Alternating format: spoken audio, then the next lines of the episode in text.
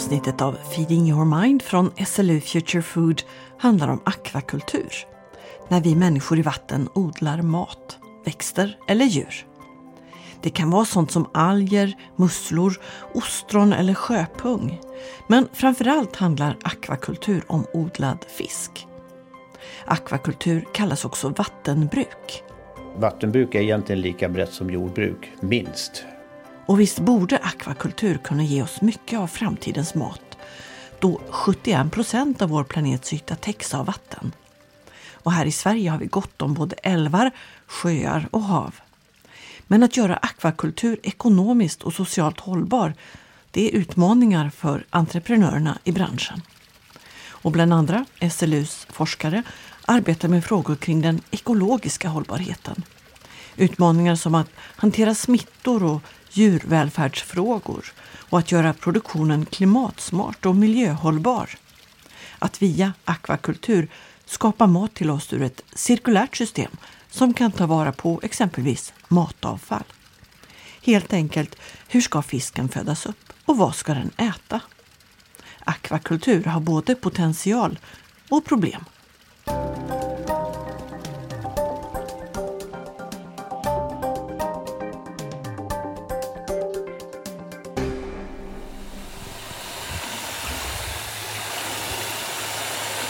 Just nu har vi lite större regnbågar här. De kommer ingå i individförsök i de här små kontrollerade karen framöver. Vår första guide in i ämnet blir professor Anders Kissling. Just nu står vi i ett dunkelt upplyst rum med vita väggar, massa vattenslangar och kranar. Några lite mindre och några större vattenkar. Det här är det lilla högkontrollerade fisklaboratoriet nere i källaren på Veterinärmedicinskt och husdjursvetenskapligt centrum på SLU i Uppsala. Anders lyfter lite på ett mörkgrönt nät som täcker ett kar med sådär 4,5 kubikmeter vatten. En stjärtfena snärtar till mot ytan och där nere skymtar skuggorna av regnbågslaxar. Det mesta av det försöken vi gör nu är att hitta nya foderråvaror. Vi vill, vi vill byta ut fiskmjölet, åtminstone det fiskmjöl som kommer direkt från vildfisk. Och vi vill också byta ut sojan. Så att nya foderråvaror och testa dem. Det är alltså insekter, det är fodermusselmjöl, det är sjöpung, det är protein från mycel, alltså de här små, eh, små encelliga organismer som kan äta trä. Så det är liksom att hitta de foderråvaror som kan gå i kretslopp. Anders Kissling har arbetat med akvakultur i sådär 40 år. Hälften av tiden i Norge och Kanada och hälften här i Sverige. Fiskens foder är centralt för hela konceptet akvakultur. Jag kan bara dra igen dörren ordentligt.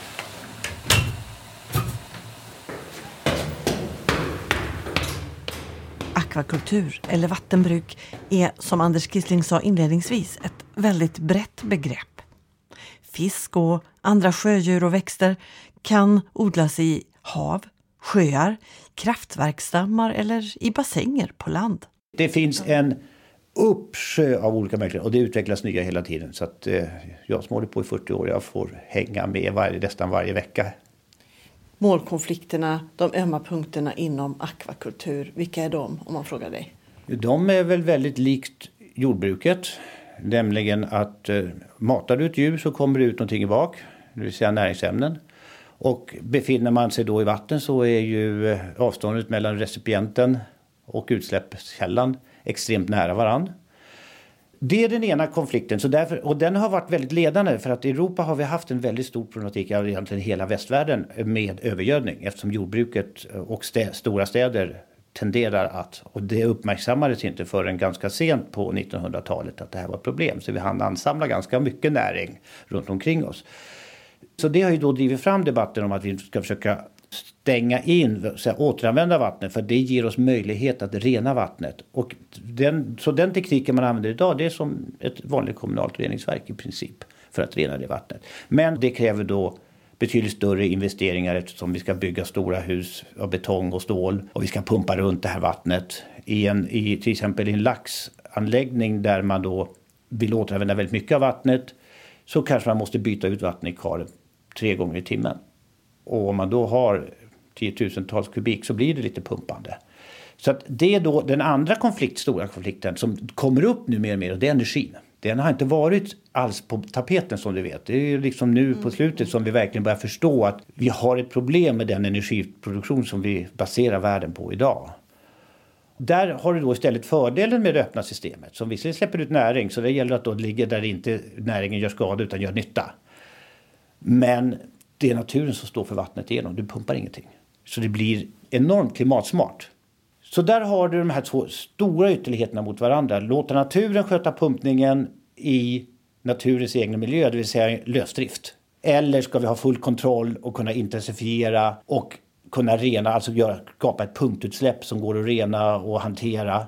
Och då kan vi lägga den var vi vill, men då kräver det istället ett större klimatavtryck. Men, men, gör vi det på rätt ställe så kan vi bara win-win-win. Det blir bara win-win. Alltså det är ingen som ska bättre än den andra. På rätt ställe är den ena det rätta. På det andra stället är det den andra som är det rätta.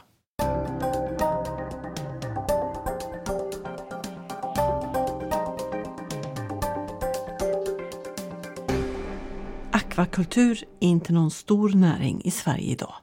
Varför återkommer vi till lite längre fram. Nu ligger produktionen på drygt 10 000 ton odlad fisk per år här. Vi tar och jämför med Norge. Totalt så producerade vi i 2022 lite i överkant av 1,3 miljoner ton lax i Norge. Jag säger Norge och många tänker nog direkt på odlad fisk eller oppdrettsfisk som det heter på norska. Öystein Evensen vid Norges miljö och biovetenskapliga universitet i Ås strax utanför Oslo är professor i fiskhälsa och också gästprofessor vid SLU. Odlad lax är den helt dominerande odlade fisken där och Norge är en verklig gigant inom akvakultur. Majoriteten av odlad fisk i världen kommer från sötvatten. Men i Norge är det ju de djupa havsfjordarna med Atlantvatten som är hem för, vid varje given tidpunkt, 450 miljoner odlade laxar. Varje år sätts omkring 350 miljoner smålaxar ut i stora nätkassar och där lever de sina liv upp till sådär 5,5 kilos vikt i drygt ett år. I en enda kasse kan det simma uppåt 200 000 laxar. Och stora anläggningar kan ha tio sådana kassar. Det kan ju vara från en och en halv till två miljoner då, i de största anläggningarna. Störelsen på industrin är ju väldigt olika. En slående skillnad mellan Norge och Sverige är ju att svensk produktion är knappt 1% av Norges. Och den norska målbilden är dessutom att öka produktionen tre eller fyrfalt jämfört med idag.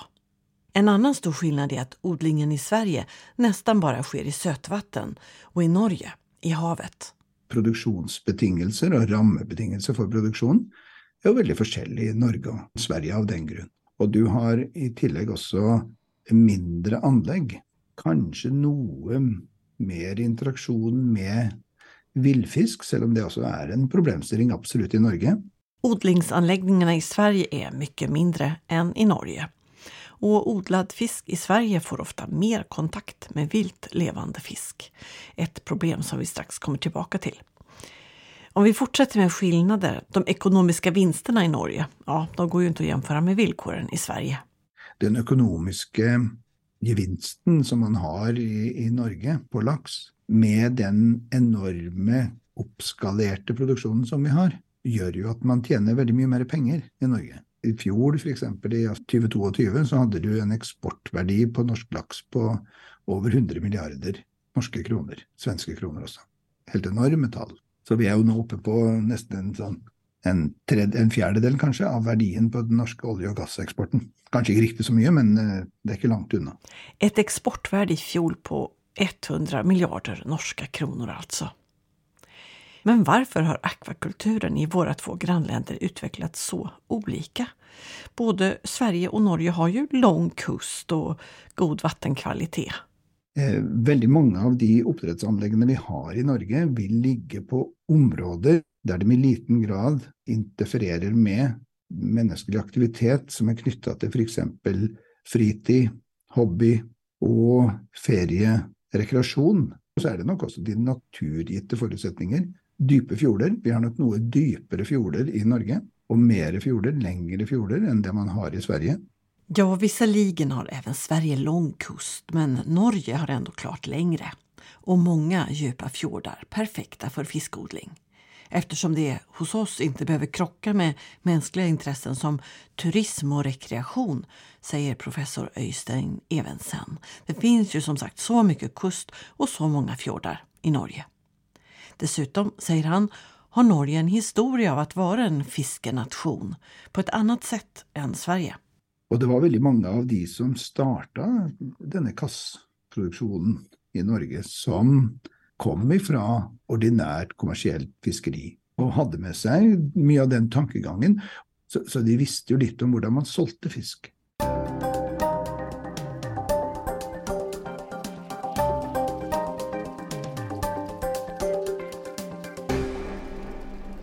Så här långt har vi pratat mest om, om branschen, så, näringen kring odlad fisk, företagandet. Men om man tänker på forskning kring akvakultur i Sverige och i Norge, är frågorna de samma? Alltså, både ja och nej, vill jag säga. Det vill säga, de är de samma på den måten att det är drevet av problemet i näringen. Problemen är inte detsamma, men att forskarna blir uppmärksamma på problemen eller blir spurt om att lösa problemet, den är drevet av behovet hos näringen. Men det är olika behov, nettopp för att man har lite olika sjukdomar. Ja, forskningsfrågorna i både Norge och Sverige drivs av akvakulturnäringens frågor. Men problemen och utmaningarna i våra två länder är olika eftersom ju odlingarna är så olika. Norsk akvakultur handlar som sagt om lax och om hav mest. Och där är laxlusen ett stort problem, säger Öystein Evensen. Laxlusen skapar både en djurvälfärdsfråga och ett miljöproblem. Den kan borstas eller spolas bort från varje individuell fisk som då måste hanteras på ett sätt som den inte mår bra av.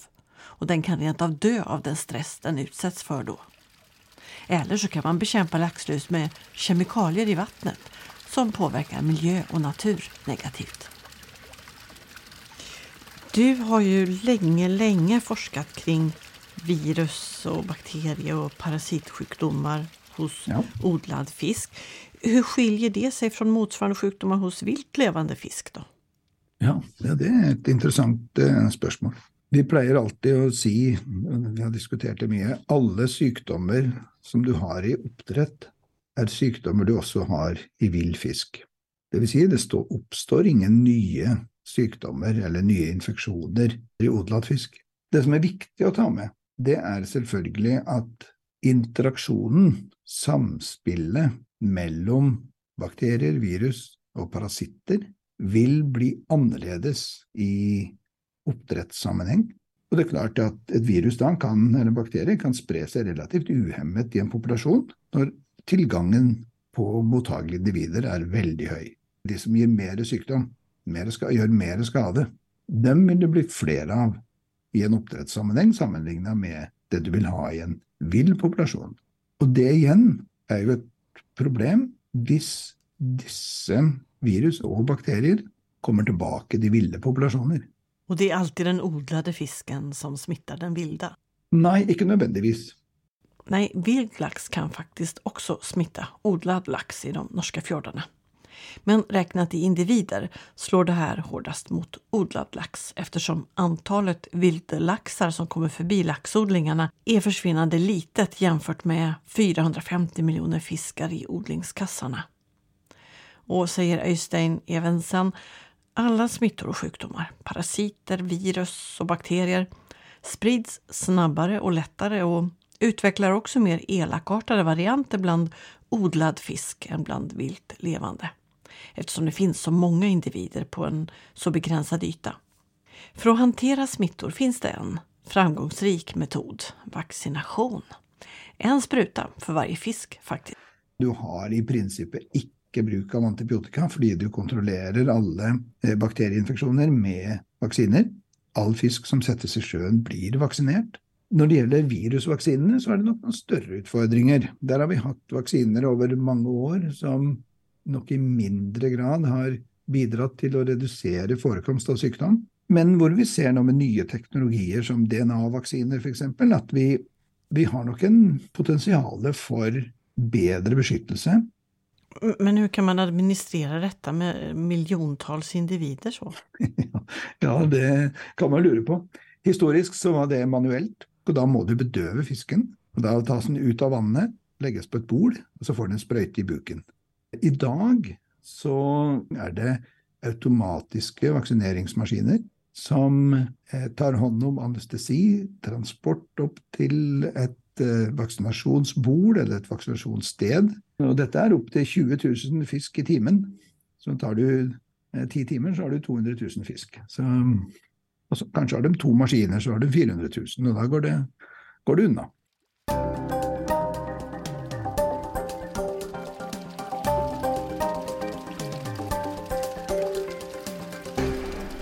Du lyssnar på en podd från SLU Future Food. Ja, man kan alltså vaccinera fisk mot smittor som kan komma från omgivningen. Eller så kan man ha landbaserade system. Alltså byggda bassänger som skapats för akvakultur och där miljön är helt kontrollerad. Men Norge med all sin kust är väl inte intresserad av landbaserad akvakultur, kan man tänka. Men eh, det är helt fel. Ja, Det är intressant, du spør om det, fordi at det har vært en enorm interesse for landbasert oppdrett i Norge. Og vi har landbasert oppdrett. Ikke så mange, men det er under bygging og under planlegging en relativt stort antall landbaserte anlegg i Norge og i andre land. Interessen der har vært enorm, og den er drevet av flere ting, men den er særlig grad drevet av, i Norge, problemet med lus. För man tänker att med landbaserade system då kan man ha mycket bättre koll på att inte få in någon smitta och hålla det ute. Det är helt riktigt. För annars, Det det. annars kan man jämföra det kanske med att eh, ja, så som tamfågel kan få fågelinfluensa från vilda fåglar och grisar Ja, ja. kan få svinpest från vildsvin.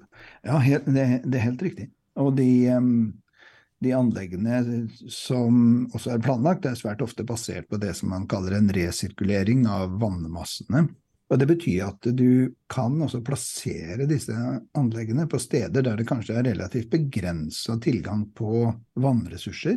Da kan du ligge på en gjenbruksprosent på ja, 95-98% Så det vil si at du reduserer jo på den måten også det miljømessige avtrykket Mm. Men landbaserad odling, då måste du ju eh, du måste konstruera de här bassängerna eller dammarna. Du måste bryta mark, du måste gjuta med betong. Alltså, du måste energiåtgången sen att hålla vattnet tillräckligt varmt eller kallt och filtrera det. Alltså det blir en eh, miljökostnad och ekonomisk kostnad i den änden ändå. Och det är kanske en av grunderna till att det har ska vi säga, kölnat lite.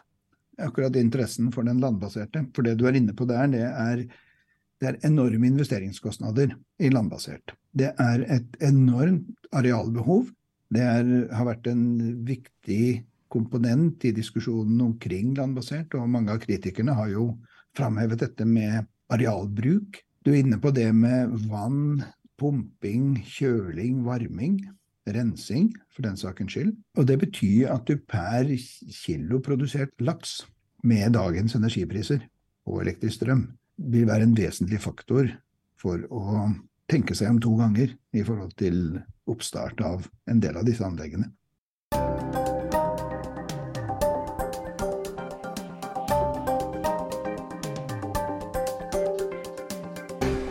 Tunga argument både för och emot landbaserad fiskodling från professor Öystein Evensen vid Norges miljö och biovetenskapliga universitet i Ås och vid SLU.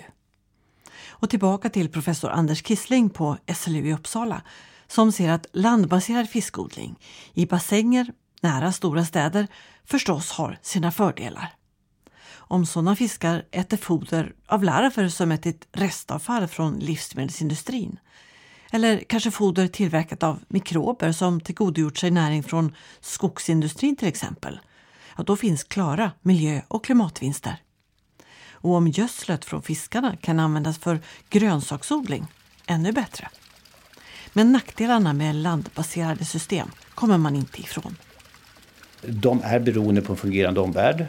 Eh, det är väldigt hög djurtäthet. I och med att de är högteknologiska kostar de mycket. Det krä- och det kräver det mycket energi för du måste pumpa runt vattnet. Så med jämförelse då om du har en kasse för 1000 ton så är det framförallt energi kanske till, till båtar, transporter etc. Kanske motsvarar ungefär ett litet radhus. En motsvarande 1000 ton med land där vi måste pumpa runt vattnet, det motsvarar ungefär 400 normalsvenska villor i energi. Den typen av teknik har då sina begränsningar men har sina anpassningsmöjligheter. Men pratar vi om de stora volymerna, riktigt stora volymerna, då hamnar vi ute i öppna hav och vi hamnar i jordbruksbygd i tropiska områden. Där har vi den kraftigaste tillväxten i världen idag och vi har haft det länge och vi kommer antagligen fortsätta att ha det. Så det är då karpfiskar, det är tilapia och sådana, alltså ciklider och sådana fiskar. Sen i volym, det är faktiskt offshore. Där kan du ha, det, den bygger då på oljeriggsteknik. Och den utvecklas och möjliggörs i och med att vi nu också får heter det, havsbaserad energikraft, det vill säga allt från tidvatten, vågor, sol, vind etc. Gör det möjligt att placera de här. Och det är inte helt fel. Någon av de här, den ena då, alltså det tropiska, det är att där kan du ganska lätt och har en lång tradition att skapa kretslopp med omgivande jordbruk. Näringen från jordbruket kan ge mat till fisken som i sin tur kan ge gödsel tillbaka till åkern. Alltså klassiskt djurväxtgård. Och i, i varma klimat fungerar det här jättebra. Sen försöker vi härma det med hjälp av inomhus här i så kallad akvaponi. Men det kräver ju då helt andra resurser. Så, det, det, så pratar vi om de stora volymerna så är det i varmare klimat det kommer hända. Vad det gäller de, de offshore, i och med att vi då kan plocka ut en hållbar och förnybar energi nära de här. Det är inte så enormt mycket energi som går åt eftersom havet ändå står för vattnet rakt igenom. Våra öppna hav behöver näring. Det är ju någonting som uppmärksammas mer och mer. Så det, det, det är en väldigt intressant utveckling. Och den bygger som sagt på den, den teknik man utvecklat i oljeindustrin. Ja, den storskaliga framtiden för akvakultur finns i sötvatten i tropiskt klimat eller i det öppna havet som Nordatlanten till exempel. Där kassodlingar kan få den energi som behövs från havsbaserad sol, vind eller vågkraft. Samtidigt som fiskgödseln kan bidra på ett positivt sätt till ett alltför näringsfattigt hav, menar Anders Kissling. Men med det sagt, i Sverige finns ju varken tropiskt sötvatten eller någon nordatlant att tillgå. Hur ser framtiden ut för svensk akvakultur? Wenke Hansen är VD på branschorganisationen Matfiskodlarna. Eh, vi har ju en enorm potential. Vi har otroligt mycket rent vatten. Vi har lång kust. Vi har många sjöar och vattendrag. Så att vi skulle ju kunna ha en högre självförsörjningsgrad från den här branschen än vad vi har idag. Vad tänker du när du jämför med Norge? De har ju lyckats betydligt mycket bättre än eh, Sverige. Vi hade ju på ungefär på 80-talet så hade vi odlat vi ungefär lika mycket fisk i Sverige och Norge. Eh, de har ju sprungit om oss rejält kan man väl säga. Så att lite grann så ska vi såklart snegla på dem, både det de har gjort bra och, och de utmaningar de har eh, såklart. Men det finns för många bromsklossar för att vi ska kunna växla upp och bli mera självförsörjande. Ja, Wenke Hansen pratar om bromsklossar för svensk akvakultur som trots allt också har väldigt gynnsamma naturliga förutsättningar på många sätt. Innan hon blev VD på Matfiskodlarna var hon i över tio år i myndighetsvärlden, på Fiskeriverket och på Länsstyrelsen.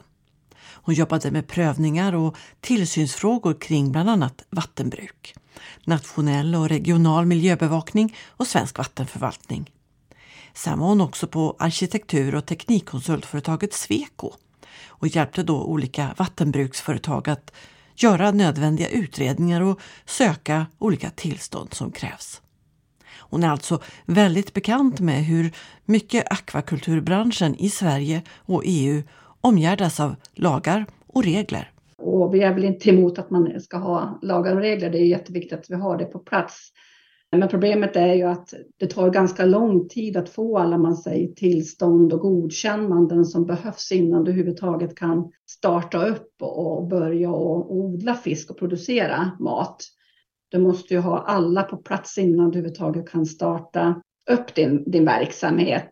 Och det här gör ju också att då måste du ligga ute med de här investeringarna ganska länge och du måste också övertala banker och investerare om, eh, om att det tar så här lång tid innan vi överhuvudtaget kan börja sälja fisk och ha fisken ute på marknaden.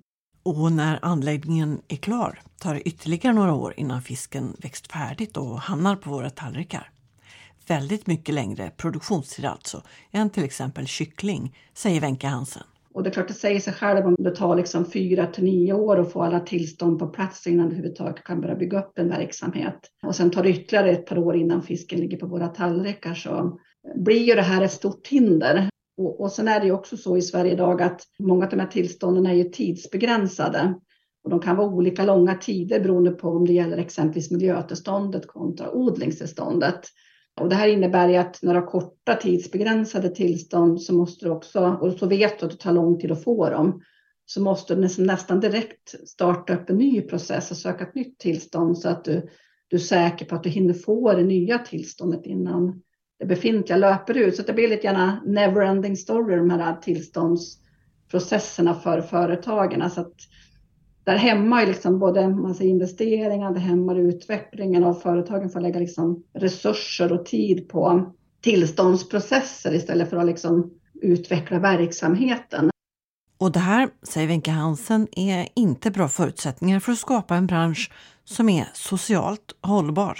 Du ska kunna veta att du, du, du har liksom en, en trygg grund. Du vet att du har dina tillstånd i exempelvis 20-30 år. Liksom du kan anställa personal och personalen kan känna sig trygga med att de har ett jobb över en tid, eh, att de har liksom bra arbetsförhållanden.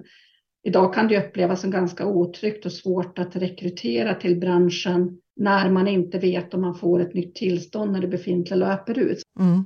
Men, men från där vi är nu då? Hur ska svensk akvakultur bäst navigera framåt, tänker du? Ja, för det första så måste vi få snabbare, rättssäkrare och längre tillstånd på plats.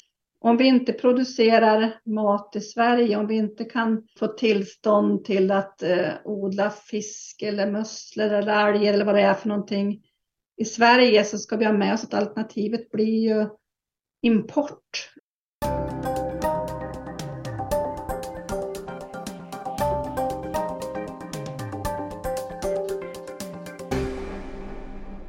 Kanske en eh, gris eller spannmålsproducent inte skulle hålla med men det verkar ju med alla lagar och regler vara mer komplicerat att vara entreprenör i de blå näringarna än i de gröna.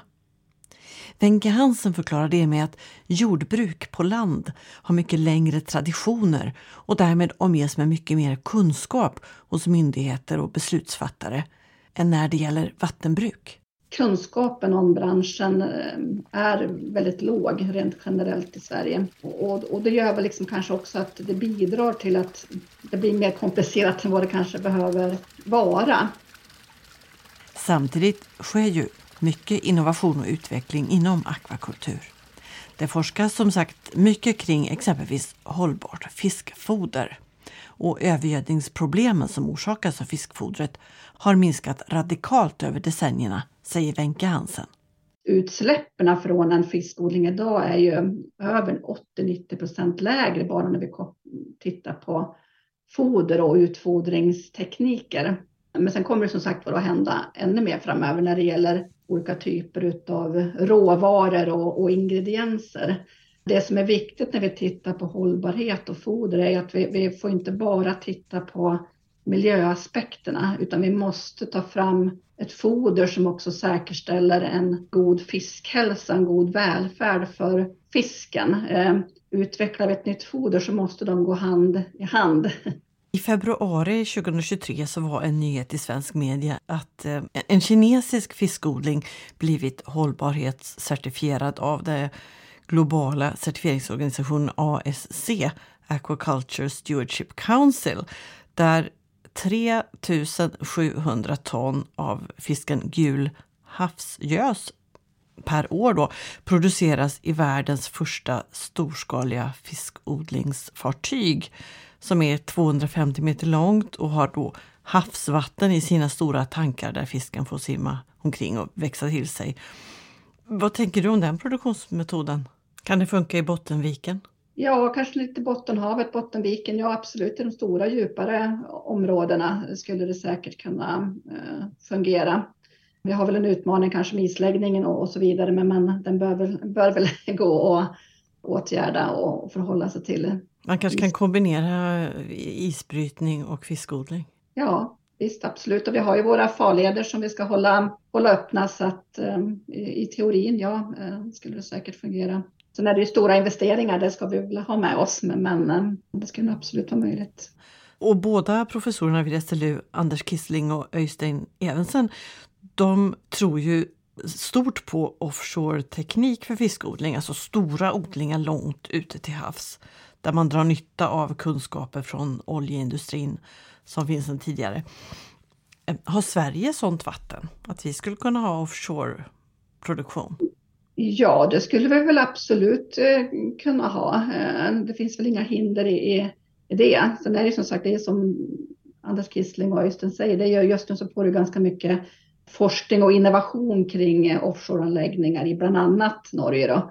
Sen kan jag väl tänka mig att ska vi ha någonting motsvarande i Sverige så blir det kanske en lite mindre skala än, än Norge. Men, men absolut så finns det en möjlighet. Vi har ju bra havsområden i Sverige också för att kunna ha offshore-anläggningar. Men sen behövs det en infrastruktur för det såklart. Ja, vilka områden tänker du på då? För när man tänker Östersjön då tänker man övergödning och det är inte bra att lägga till ytterligare gödning då från fiskodlingar. Medan Atlanten långt ut kan vara näringsfattig. Mm, men vi ska komma ihåg också att vi inte, för det första så måste vi skilja på kanske man säger södra Östersjön om vi börjar prata Bottenviken och Bottenhavet. Här har vi inte samma problem med näringsämnen eh, i Bottenhavet och Bottenviken som man kanske har i södra Östersjön. Så det måste man först liksom ha med sig att allt Sveriges vatten är inte övergött. Allting handlar egentligen oavsett om vi pratar om ett vattenbaserat system eller ett landbaserat system så handlar ju allting egentligen om lokalisering, rätt plats för rätt typ av verksamhet. Säger Wenke Hansen från branschorganisationen Matfiskodlarna som företräder några numera ganska få men desto större aktörer inom svensk akvakultur. Koncerner med anläggningar på ett 30-tal platser i Sverige som tillsammans står för över 95 procent av produktionen av svensk odlad fisk, mest regnbåge och så röding. Och det gäller att ha rätt produktion på rätt plats för att akvakultur ska vara hållbart, konstaterade Wenke Hansen. Precis som professor Anders Kissling sa förut faktiskt. Så om det sedan handlar om fiskodling i stora tankfartyg eller offshore fiskodling. Ja, det är spännande tider inom akvakulturen.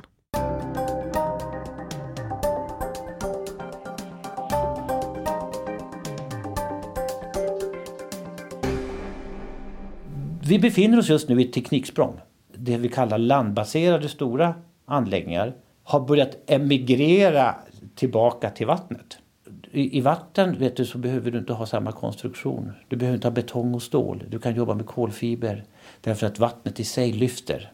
Plus att du behöver inte pumpa vatten i vatten. Du förflyttar vatten. Det vill säga att istället för att ha en stor pump som står och snurrar och kräver jättemycket energi så kanske ha en liten propeller bara som flyttar vattnet. Så det finns nu prototyper som körs till exempel på norska västlandet. Där man alltså drar ut en sån här helt sluten anläggning och så att säga odlar fisken. Sen, sen är liksom i konceptet, sen drar man tillbaka den här när man ska slakta till slakteriet. Slakteriet ja, vi närmar oss frågan om djurvälfärden. Vad händer när vi maximerar ett djurs tillväxt dygnet runt 24-7 så att säga? Vi vet ju på att andra djurslag får man inte göra det längre för att vi har sett att de måste få sin vila. Och jag tror att fisken behöver sin vila här också. Vad händer när vi har väldigt stora tätheter? Även om vi rent tekniskt kan lösa att få in tillräckligt med syre och få bort tillräckligt mycket av slaggprodukterna. Det är ju så att det är olika skolor. En del vill ju ha, även på till exempel om vi tänker fjäderfä och gris, man, man vill ha fullständig kontroll. Man vill så att säga, stoppa in dem i ett rum där man påstår att man kan hålla perfekt perfekt miljö. Och andra vill se dem ute i den fullständigt okontrollerade vilda miljön som då självklart inte har samma intensitet och samma kontroll. Så hur mår odlad fisk? Vi ska fråga Albin Gräns som är docent i biologi på SLU med inriktning djurvälfärd hos fisk. Första frågan till Albin Gräns blir vad han själv tycker är viktigast när han köper fisk. Ja, bra fråga för det är ju svårt som konsument eh, att välja bra fisk ur eh, djurskyddssynpunkt. Jag väljer det som är miljömärkt men jag skulle önska att se att den märkningen skulle utökas och omfatta mer. Det är någonting som efterfrågas rätt brett, att, att faktiskt märkning skulle kunna säga något mer om djurvälfärden. Du kan alltså välja såväl viltfångad som odlad fisk? Ja, det finns, jag tycker det finns för och eh, nackdelar med båda systemen. Om man pratar om grisar och djurvälfärd eller kyckling och djurvälfärd då känner nog många att man har koll på ungefär vad som gäller. Men vad pratar vi om när vi pratar om djurvälfärd för fisk? Om man kollar på de andra produktionsdjuren så kanske det är mest man får se jämföra med kycklingar. Det här att man håller, man har så mycket djur. Man, alltså, man pratar ju kassar, de stora laxkassarna, där går liksom en kvarts miljon djur. Så det finns liksom inget sätt att hålla koll på alla individer och så som faktiskt djurskyddslagen kräver lite. Men just det här att försöka upprätthålla en god hälsa, det är liksom en, en bra startpunkt för att säkerställa en god djurvälfärd. Mm. Kan man säga att det egentligen så handlar djurvälfärd för fisk om samma frågor för alla, som för alla andra djur som vi håller, alltså uppfödning, frakt och slakt? Ja, men eh, man kan också undra vilka fiskar som mår bäst. Alltså vild fisk är ju fri och lever naturligt medan odlad fisk, ja den får ju mat och den är inte utsatt för rovfiskar och sådär. Ja, när folk frågar vad de ska välja ibland, för den frågan får jag ju, då måste man fundera lite på liksom vad, man, vad man tycker är viktigast. Ja, en vild fisk har gått hela livet vilt med alla problem som det säkert innebär för många fiskarter. Men så som det ser ut idag så är själva fångsten och avlivningen sker på ett, ett eh, väldigt negativt sätt. Medan problem som lyfts med fisk genom akvakultur, ja, det, men det sker, allting sker under kontrollerade former och det krävs ändå en bedövning. Och, och under avlivningen så man har ju mycket bättre koll, även om man har hittat en hel del problem även där. En annan sak som också är viktigt, som man ofta får frågor om, och det, det, kom, det är inte bara fisk, och det är det här att just den här kopplingen till att ja, men en fisk som lever i det vilda, ja, den, det är inte så himla roligt att bli uppäten av en gädda heller.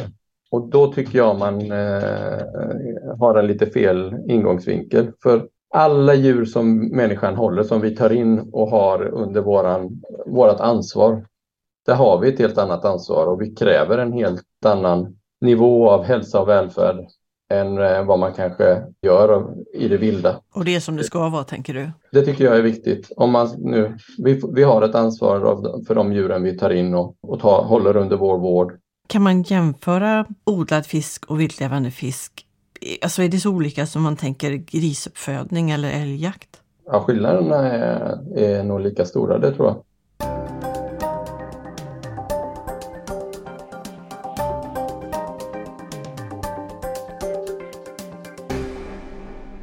Och du var inne på att det är svårt när det är så otroligt många individer att ha koll på varje individ. Rättare sagt, det, det går väl inte helt enkelt. Men hur hänger då svensk djurskyddslagstiftning med när det gäller fisk? Ja, den, är ju, den hänger väl inte med jättebra. Eh, och då handlar det framför allt om att man har valt att inkludera fisk med de andra produktionsdjuren och de allmänna regler som, eh, som finns. Men sen har vi liksom artspecifika riktlinjer för hur varje del och varje steg ska göras och, och, allt sånt saknas för fisk. Man har bara sagt att ja, de ska skyddas mot onödigt lidande.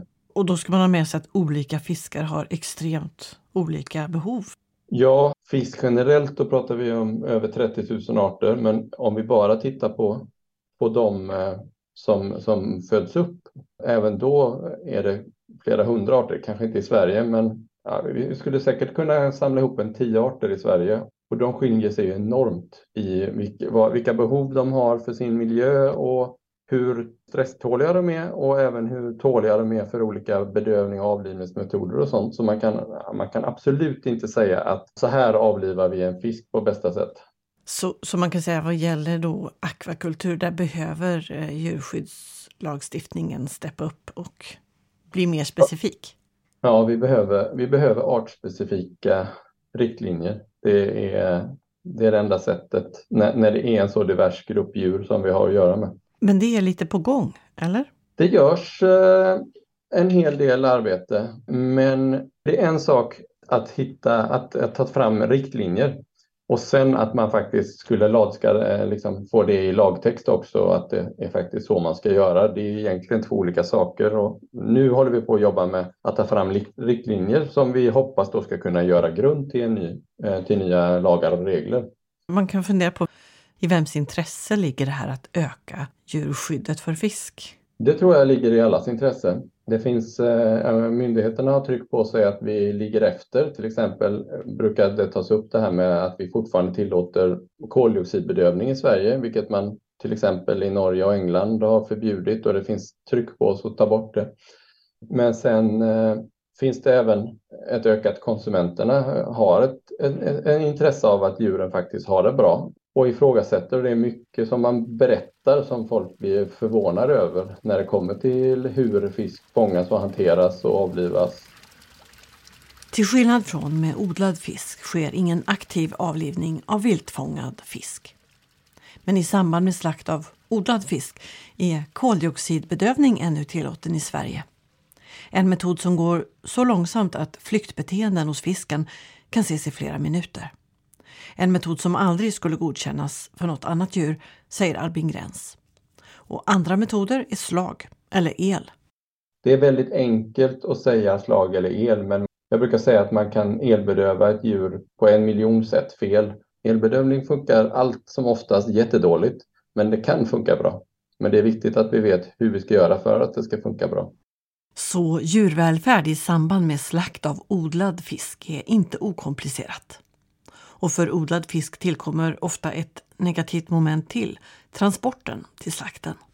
Och ju större produktionen är, ju större aktörer vi pratar om, desto längre transporter. Om man tittar på de här största norska företagen, då, då, då transporterar man i många, många timmar i transportbåtar. Och det kanske blir ännu mer så då om man ser över att man gör väldigt moderna och eh, påkostade slaktmetoder och slaktplatser. Eh, då kommer man ju försöka samla fisk och plocka dit den och göra det där då. Medan en liten aktör som har ett par kassar på en brygga, då handlar det nog mest om att lyfta upp dem och stoppa i dem i, i avlivningen. Så eh, då är det nog inte så mycket transporter.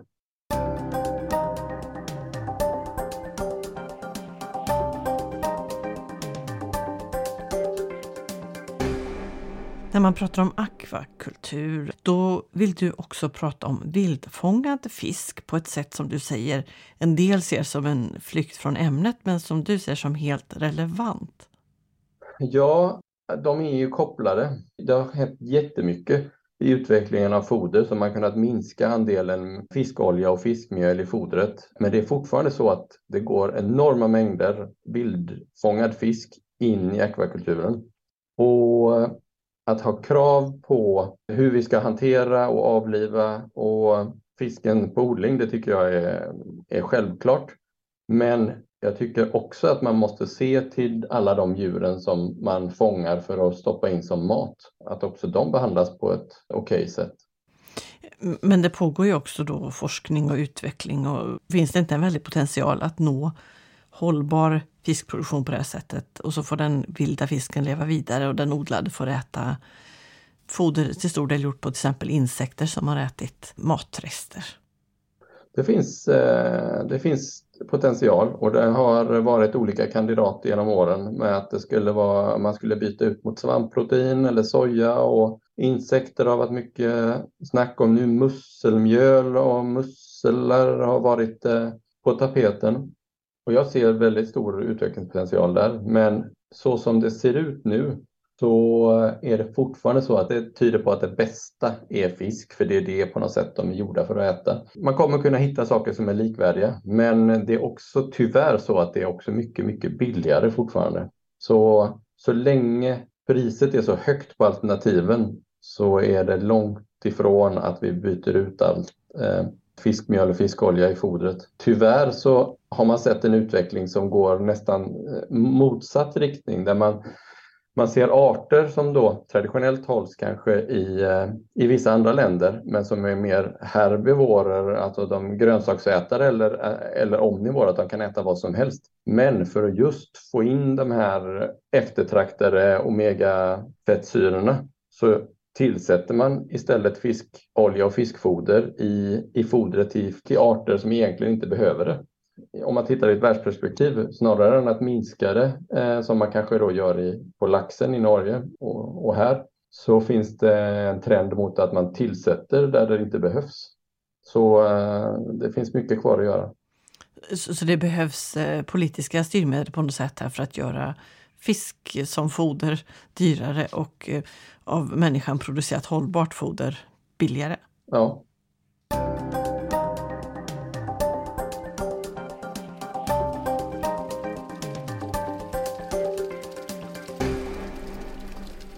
Så tillbaka till frågan om fodret och till Anders Kissling, professor i akvakultur vid SLU.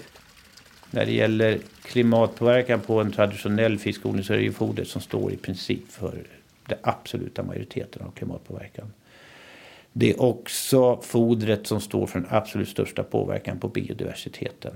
Eftersom idag så kommer i princip majoriteten av ingredienserna från stora monokulturer som är transporterade runt jorden och i sin tur är baserade på gruvbaserat fosfor.